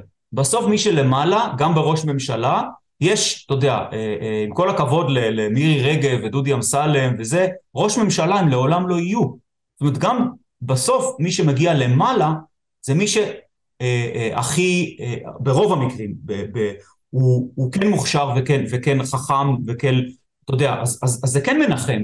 גם, גם ב, ב, במוזיקה, אתה יכול להגיד, רוב האנשים רואים, אה, אה, צורכים את נועה קירל ואנה זק, נכון? בכל זאת מוצרט הוא נצחי. אז כנראה שבסוף גם החכמים יודעים לה, להנחיל את המורשת שלהם יותר טוב. אז למרות... מה שנותן לך תקווה זה בעצם הטיימליסיטיות של אנשים מסוימים, או אנשים בעצם שהם הגרסה המקסימלית שלהם, ואתה יכול לראות את זה וליהנות מהם. אני כן, אבל זה לא נותן לי תקווה, מה אכפת לי? אתה חושב שלמה אנשים, אה, כולם צריכים להיות חכמים? מה, אתה יודע, למה להיות, להיות דרך אגב, מה, מה, אם, אתה, אם אתה חקלאי או נגר, למה, למה, כאילו, אתה יודע, לא לכל הדברים בחיים בכלל אה, צריך אה, יותר מדי לחשוב ולהיות אינטלקטואל. אין עולם בלי חקלאים ובלי נגרים ובלי, אתה יודע, אז מה?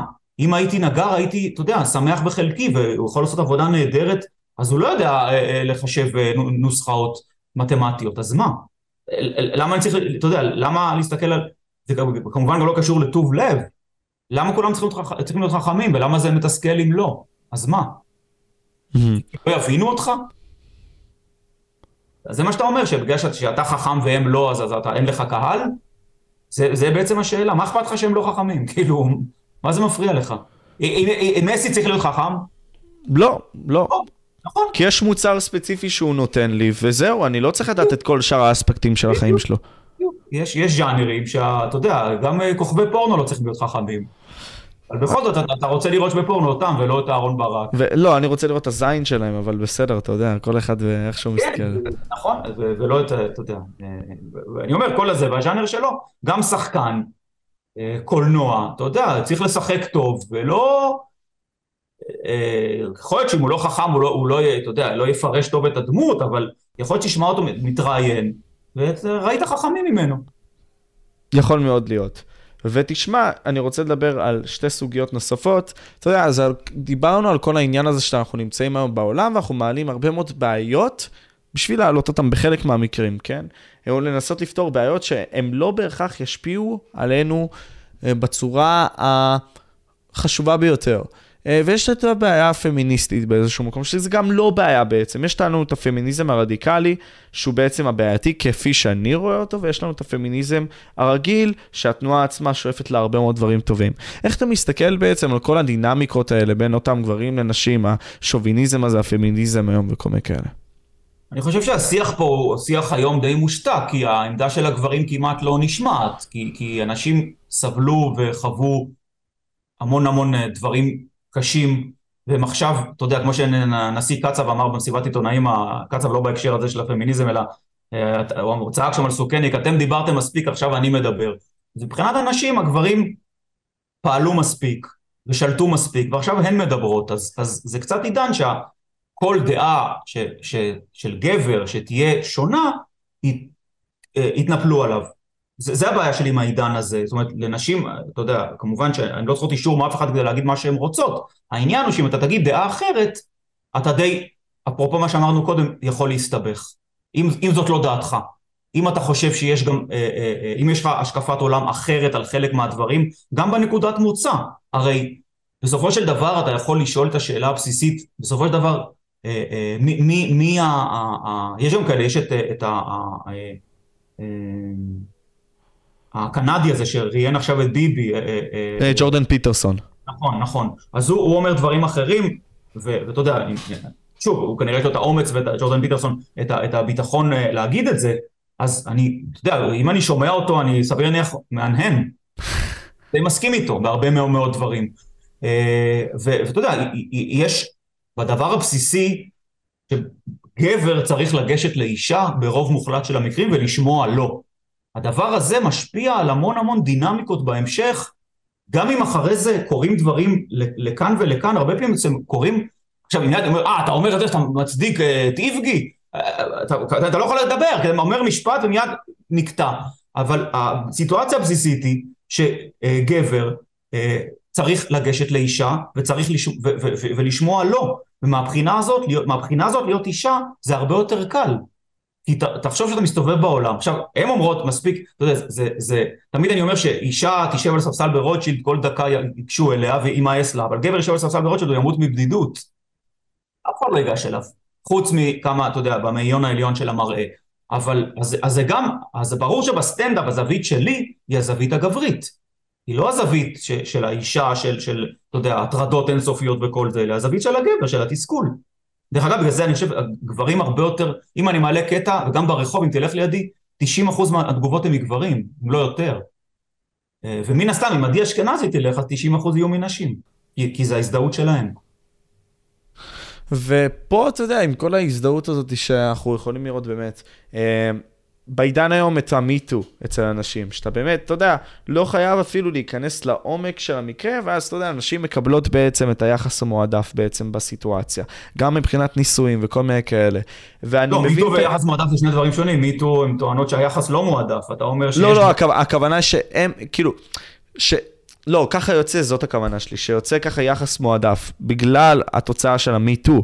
כי אם מאמינים להם, אז מן הסתם שיש להם אוקיי, את, עמדת יש הכוח. יחס מועדף לנשים הרבה קודם, יש בבר יחס מועדף. אתה תבוא עם חברים שלך, תחכה בחוץ כמו כלב, ואישה עם עם ציצי תיכנס, אתה יודע, ויראיירו עליה, אז היחס מועדף קיים ב... ב אתה יודע, עוד הרבה לפני זה, אבל יחס מועדף, דרך אגב, זה דבר מאוד מאוד חשוב, זה תשומת לב מהמין השני. נכון. רוב המוטיב... הרבה מהמוטיבציות של בני אדם זה אומנם כסף, אבל אם בסוף תסתכל, הרבה מאוד זה המוטיבציה לקבל תשומת לב מהמין השני. ופה היחס של אנשים הוא, אה, אה, נראה לי אמר את זה אה, בלזק הצרפתי, הסופר, שאישה יפה זה הכוח הכי חזק בטבע. אז, אז זה קצת סותר לפעמים את זה שהחולשה כביכול, שכל הזמן מדברים עליה, ברור שהן מדברות על משהו אחר, על הניצול של הכוח הפיזי הגברי והכוח החברתי הגברי, אבל ברמה הבסיסית יש גם אה, חולשה מובנית לגבר. נכון. שמה שאמרתי לך, שהתשומת לב, גברים מסתכלים על נשים, הם אולי לא אוהבות את זה, תלוי מי מסתכל, אבל, אבל אה, אנחנו, גבר, אתה יודע, אה, אה, עליי אף אחד לא מסתכלת. אם אני לא מפורסם, כי, כי ככה זה, וזה קשה. זה, זה, עכשיו, אם אתה לא, אתה יודע, במאי, בגלל זה, אתה יודע, חתיכים כביכול באמת, חוגגים, לוקחים את, כי, אבל, אבל זה רק הם. כל השאר זה בלבולי מוח ו- וסיפורים ואגדות, כל השאר, אבל אין הרבה, ונשים, אה, התשומת לב שלהן, כמעט של כולן, בטח כשהן צעירות, הן רק לא יכולות יותר. רק, אתה יודע, כבר, כבר ראיתי דוג- דוגמניות שהולכות עם שומר ראש, מרוב, אתה יודע, שהן לא יכולות כבר, עלייה לרגל למכה. מספיק. ואני אני מאמין, תשמע, זה... קודם כל האלגוריתם הם מקדמים את זה, גם, אתה יודע, יש את ה-only fansים למיניהם, שאתה יודע כמה הם מקבלות, הן מקבלות מיליוני דולרים בחודש. זה יושב גם על, אמרתי לך, על ביולוגיה, אי אפשר לנצח את הביולוגיה, כמו, אתה יודע, ש, ש, כמו שאי אפשר לנצח את המוות, זה משנה מה נדבר כל כך הרבה, הם מזדקנים, אז אומרים, אני צעיר ברוחי, ואני, אתה יודע, אני לא נראה, וזה, אבל, אתה יודע, כל אחד היה רוצה להיות אה, אה, צעיר, ו, ועשיר, ו, ו, ויפה, ו, וכל השאר זה אגדות שמספרים לעצמנו, פה גם התפקיד של ההומור, לרכך קצת הכאב הזה, שרובנו, ולמעשה כולנו, לא כאלה, כי גם מי שעשיר וצעיר ויפה, מתי שהוא יהיה זקן. נכון, אז פה נכנס ההומור, לחתולים אין הומור, כי הם לא יודעים שהם יהיו זקנים. אמת, אמת, אמת. ותשמע, זה, זה באמת מדהים, כלומר, המוח שלנו גורם לנו לייצר סיפורים מדהימים, והקומדיה באה ובעצם מעבירה את זה בצורה מדהימה כזאת, שאתה יודע, נכון. ולקחת גם את המסר והכל. ותשמע, דיברנו כבר קרוב לשעה וקצת, כן. אני מאמין שדיברנו על לא מעט דברים, ואני רוצה שבאמת, אתה יודע, תיתן דרך הרציונל שלך איזשהו מסר לאותם אנשים צעירים שצופים בנו, ואומרים כזה, וואו, היה לי כיף, אה, אני רוצה לבוא ולהשפיע על העולם, רוצה לשפר את העולם, רוצה להיות המקסימום שלי. שגיב, איזה עצה תיתן לו? אז קודם כל צריך למצוא במה אתה טוב בו, אה, אה, לא, לא, ולא להיות מתוסכל אם, אם, אם, אם, אם אין כזה, ובטח לא להתעקש על משהו, אתה יודע, אם אתה בא עכשיו לכדורגל, יש מלא כאלה שחוטאים ב... ב הרי הסבל הוא אי קבלה של המציאות. אם אתה בא לכדורגל, ו... לא, זה, זה גם הבודהיזם, זה, זה, אתה יודע, מה זה סבל? שאתה לא מקבל את המציאות, אתה סובל. כן. Life is suffering, deal with it. Life is suffering, deal with it. לא, לא, לא, לא בהכרח, לא בהכרח. אני אומר שאם אתה, יש מלא כאלה שאומרים הבן שלי מסי, הבן שלך לא מסי. אם הוא מסי, היית יודע מזה. אז אם אתה בא למקום שאתה לא, שאתה אה, אה, לא מספיק טוב בו, זה כמו לבוא לסטנדאפ, כמו שאני אגיד לך שאני יכול להתחרות עם שחר חסון, אני לא יכול. אז אני צריך לדעת את מקומי, אני בסטנדאפ מספיק טוב, אבל אני לא יכול להיות שחר חסון, כי הוא יותר טוב ואני לעולם לא אתקרב ל... ל בכל, גם, עכשיו, ברגע שיש לך את היכולת הזאת, צריך את המבנה הנפשי כדי לקיים את עצמך אה, אה, שם. כי זה כבר, אמרתי לך, הנפש היא יכולה לספר, גם בן אדם אה, אה, אה, גאון בתחומו יכול. לחרב לעצמו עם מחשבות שווא. אתה צריך להיות מספיק חזק נפשית אה, כדי אה, אה, לאפשר לעצמך להגיע למקסימום ולמצוא את התחום שאתה טוב בו ו- ו- ול- ולוותר גם לא להתעקש ולהבין שאם אתה לא מספיק טוב או אם יש אם אתה חסר כישרון או אז, אז לא אז לא, לא צריך לא, אפשר גם להיות בחיים בתפקיד שלא צריך בו כישרון ולא צריך בו ו- ו- וזה בסדר גמור אפשר להיות אה, אה, אה, אה, לעשות עבודה להיות מורה ולחיות חיים מספקים ומלאים ולדעת שאתה לא אה, פרויד. אתה מלמד בכיתה א', ב', הילדים, אתה יודע, אה, ולמצוא את מקומך, ולהיות גננת, וזה גם מאוד חשוב. גננת זה דבר חשוב, מורה זה דבר חשוב, נכון, אז אולי מה שאתה אומר בעצם בין השורות שהיום בנוער כל אחד רוצה להיות כוכב טיק טוק, שידעו מי אתה, השאלה על מה שידעו מי אתה, על זה שאתה אידיוט, על מה, כאילו אם אתה טוב, אז, אז, אז, אז יש לך, אז ידעו מי אתה כי אתה אה, אולי תהיה אה, משחק בברצלונה, או ב-NBA, ואם אתה לא טוב, אז למה כל כך דחוף לך שידעו מי אתה? אתה יודע, זה, זה יש, יש באנונימיות גם הרבה אה, קסם. נכון. אתה, יודע, אתה יכול לחיות חיים הרבה יותר, אתה יודע, אה, אפרופו כל המיטו וכל זה, מי שבאמת נופל זה המפורסמים. אם אתה רוצה, אתה יודע, זומם להגיד בבר איזה משפט לבחורה שהוא פרובוקטיבי, עדיף שתהיה אנונימי. נכון, נכון, כי פחות השלכות יהיו עבורך, כלומר... אז הדור הזה שכל אחד צריך שאתה יודע, יעלה את עצמו, ב... על מה? על מה יראו אותך? בזה שאתה... אתה יודע, טלוויזיה, ברור שאתה צודק, טלוויזיה גם מלבה את זה, אומרת לך אם אתה מבשל, אתה... למה? מה, לבשל זה כישרון? אז מה אתה יודע להכין ביצה? אז על זה אתה מקבל זמן מסך? אבל בסדר, אז אם אתה מבשל, גם טוב, גם לבשל צריך לדעת. אבל אם לא, אז, אז אה, אם אין לך את התחום הזה, אז תמצא משהו שאתה אוהב, ומשהו שאתה אה, סביר בו, ותחיה את חייך השקטים והשלווים, ותהנה. אז לא אני אחזק את מה שאתה אומר, ונראה לי אני גם מוסיף, זה להבין בעצם מה אתה אוהב כנגד העולם, ולהבין איזה ערך אתה נותן לאנשים, ולנסות ליצור איזשהו משאפ כזה של התחום הכי טוב פה, והתחום הכי טוב פה שאתה יכול לתת ערך. לא וזהו. לא מה זה ערך? אם אתה דבר אה, ומחלק מכתבים, אתה, אתה, זה התפקיד שלך, ו, וזה בסדר, אתה יודע, אני בשמחה הייתי דבר. וואלה. כן, אם לא היה לי כישרון לדבר, זה חלום שלי. אתה בא, שם את המכתבים במקום, יש סדר, יש זה, אחלה. לא, לי זה מספיק, אתה גם, אתה יודע, תלוי מה, מה הגודל, אני, אני, אני כאילו הייתי, החלום שלי עוד דבר, אם אתה שואל אותי, זה... למה? לא יודע, סדר, שאתה שם מכתב ומגיע וכל התיבות מסומנות, באירופה יש חוק שחייבים לכתוב את השם. זה דבר שהייתי משנה בפוליטיקה, שבדבר אין שמות על התיבות דואר, איך הוא יודע איפה לשים את המכתב? זה מטריד אותי. אתה רוצה לעשות את העבודה שלו פשוט יותר קלה באיזשהו מקום. כן, כן, שיגיע מכתבים, מה, זה, זה, זהו, אז מה רע בלהיות דבר? כאילו, למה, זה, זה רע? אתה הולך, נושם אוויר, אתה יודע, חושב על, ה, על, ה, על העולם, אה, עוזר לאנשים, מקבלים מכתבים, הולך הביתה וזהו. זו מחשבה מעניינת, כי אתה יודע, 75% מהקהל הצעיר יותר, זה יותר נכון מחקר של ארה"ב, אומרים שהם רוצים להיות יוצרי תוכן. אתה יודע, זה להיות הגיבור בסרט שלך, אתה יודע, אם אנחנו נלך לקמבל. אבל איזה אני... תוכן, אבל, אבל עם מי אתה מתחרה? אתה יוצר תוכן, אם אתה מתחרה עכשיו בלארי דיוויד, אתה, אתה, אתה, לא, אתה לא יכול ליצור תוכן, כי אתה לא... לארי דיוויד יש אחד. זה כמו שזה כל החלום שכולם משחק בברצלונה. אבל, אז תשמע, במקרה הזה, אם אתה לא רע, תשחק בליגה ג', תשחק בשכונה, זה גם כדורגל, מה לעשות? צריך להבין את זה בגיל צעיר ולהשלים עם זה, ואז דרך אגב אתה מאושר. כי אנחנו לא צריכים הרבה בשביל להיות מאושרים, אה? צריך, ביבי אמר, דווקא הוא אמר שהסוד בחיים זה לא להנמיך ציפיות. ועוד אחד כזה שהגיע הכי רחוק, אתה יודע, בי פאר, אז הוא אמר צריך להנמיך ציפיות. מה שהחיים יזכו לך, קח את זה, אם אתה רוצה להיות מאושר, אם אתה רוצה לסבול, אז תחשוב שאתה מסי, ותשחק ב... אתה יודע, כל נהג מונית אומר לך, אני הייתי מסי, המאמן, אה, המאמן דפק אותי. עכשיו אתה נוסע במונית, בסדר, אוקיי. פה גם בא ההומור, ההומור זה, אתה יודע, חוסר מודעות של אנשים אחרים. לגמרי, לגמרי, לגמרי, ואתה אומר לי פשוט כאילו, זה בסדר גם להיות בינוני. זה בסדר גם להיות בינוני. אני חושב שהכי חשוב להיות מאושר. מה, מה רע בלהיות בינוני? למה אתה צריך, אתה יודע, למה, למה צריך להיות הכי טוב? אם כולם הכי טובים, אז גם כולם בינוניים. וואו, נכון, נכון, נכון. כלומר, אם כולם עשר מתוך עשר... אני בינוני ברוב הדברים שאני עושה, והם לא מסיבים לי בכלל אומללות. אני בינוני בלבשל, אני בינוני ב... אתה יודע, אני בינוני בלצייר, אני בינוני באתלטיקה, אני בינוני ב... בהכל, חוץ מתכונה אחת של להמציא בדיחות. אז מה? אז מה, אם אני מבשל ביצה והיא לא כמו של אהרוני, אז אני עצוב? מה אכפת לי?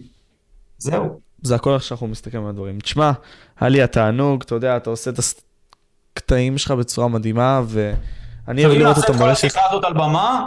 אפשרי. לא שום דבר מזה, חמש שניות מזה על במה, הקהל לא ייתן. היה כבר ישן, אבל תשמע, אני, אני איכשהו יצרתי משהו שאנשים, אתה יודע, גם בגילאי ה-90-80 צופים. שזה הזוי, אבל כיף, כיף שהמדיומים האלה קיימים, אנשים נכון, יכולים נכון, לבחור. אתה צודק, אתה צודק. כל הכבוד לך גם, הנה, אתה מצאת את המקום שאתה עושה אותו טוב, בגיל כזה צעיר, כל הכבוד לך. האמת, אני מרגיש שאני לא יודע כלום, שגיא, ואני דווקא מתעסק בשאלה של למצוא את האני, אבל... זה חוכמה אמיתית, לדעת שאתה לא יודע כלום, זה סוקרטס אמר, נראה לי אמר, ברור כן. אתה לא יודע, זה, החוכמה. know thyself, מה אם היית חושב שאתה יודע הכל, היית, אתה יודע, אה, דודי אמסלם. טוב, תשמע מלך, תודה רבה לך שגיב. תקשיב, אני גם אתן את ה shout-outs בכללי, תבקרו באתר של אה, שגיב פרידמן המלך, אה, הלינק יהיה בתיאור, וכמובן תמצאו אותו בפייסבוק ובאינסטגרם, הלינקים יהיו למטה. יש לך עוד מקומות שתרצה אולי לעשות בהם shout-outs וכאלה? אם הייתם מבינים מה אתה אומר, הייתי עונה לך. איפה אתה רוצה, יש עוד דברים שאתה רוצה לבוא ולהוסיף, מקומות לכוון את הקהל וכל מיני כאלה להגיע אליך אולי? לא, לא, אז האתר שלי שגיב פרידמן באנגלית זה מצוין. אין בעיה. טוב, תקשיבו, אני הייתי משה, אני מרגיש מסטול טיפה מהתחת. זה היה שגיא פרידמן המלך, אה, ונהנה פה. יאללה, ביי.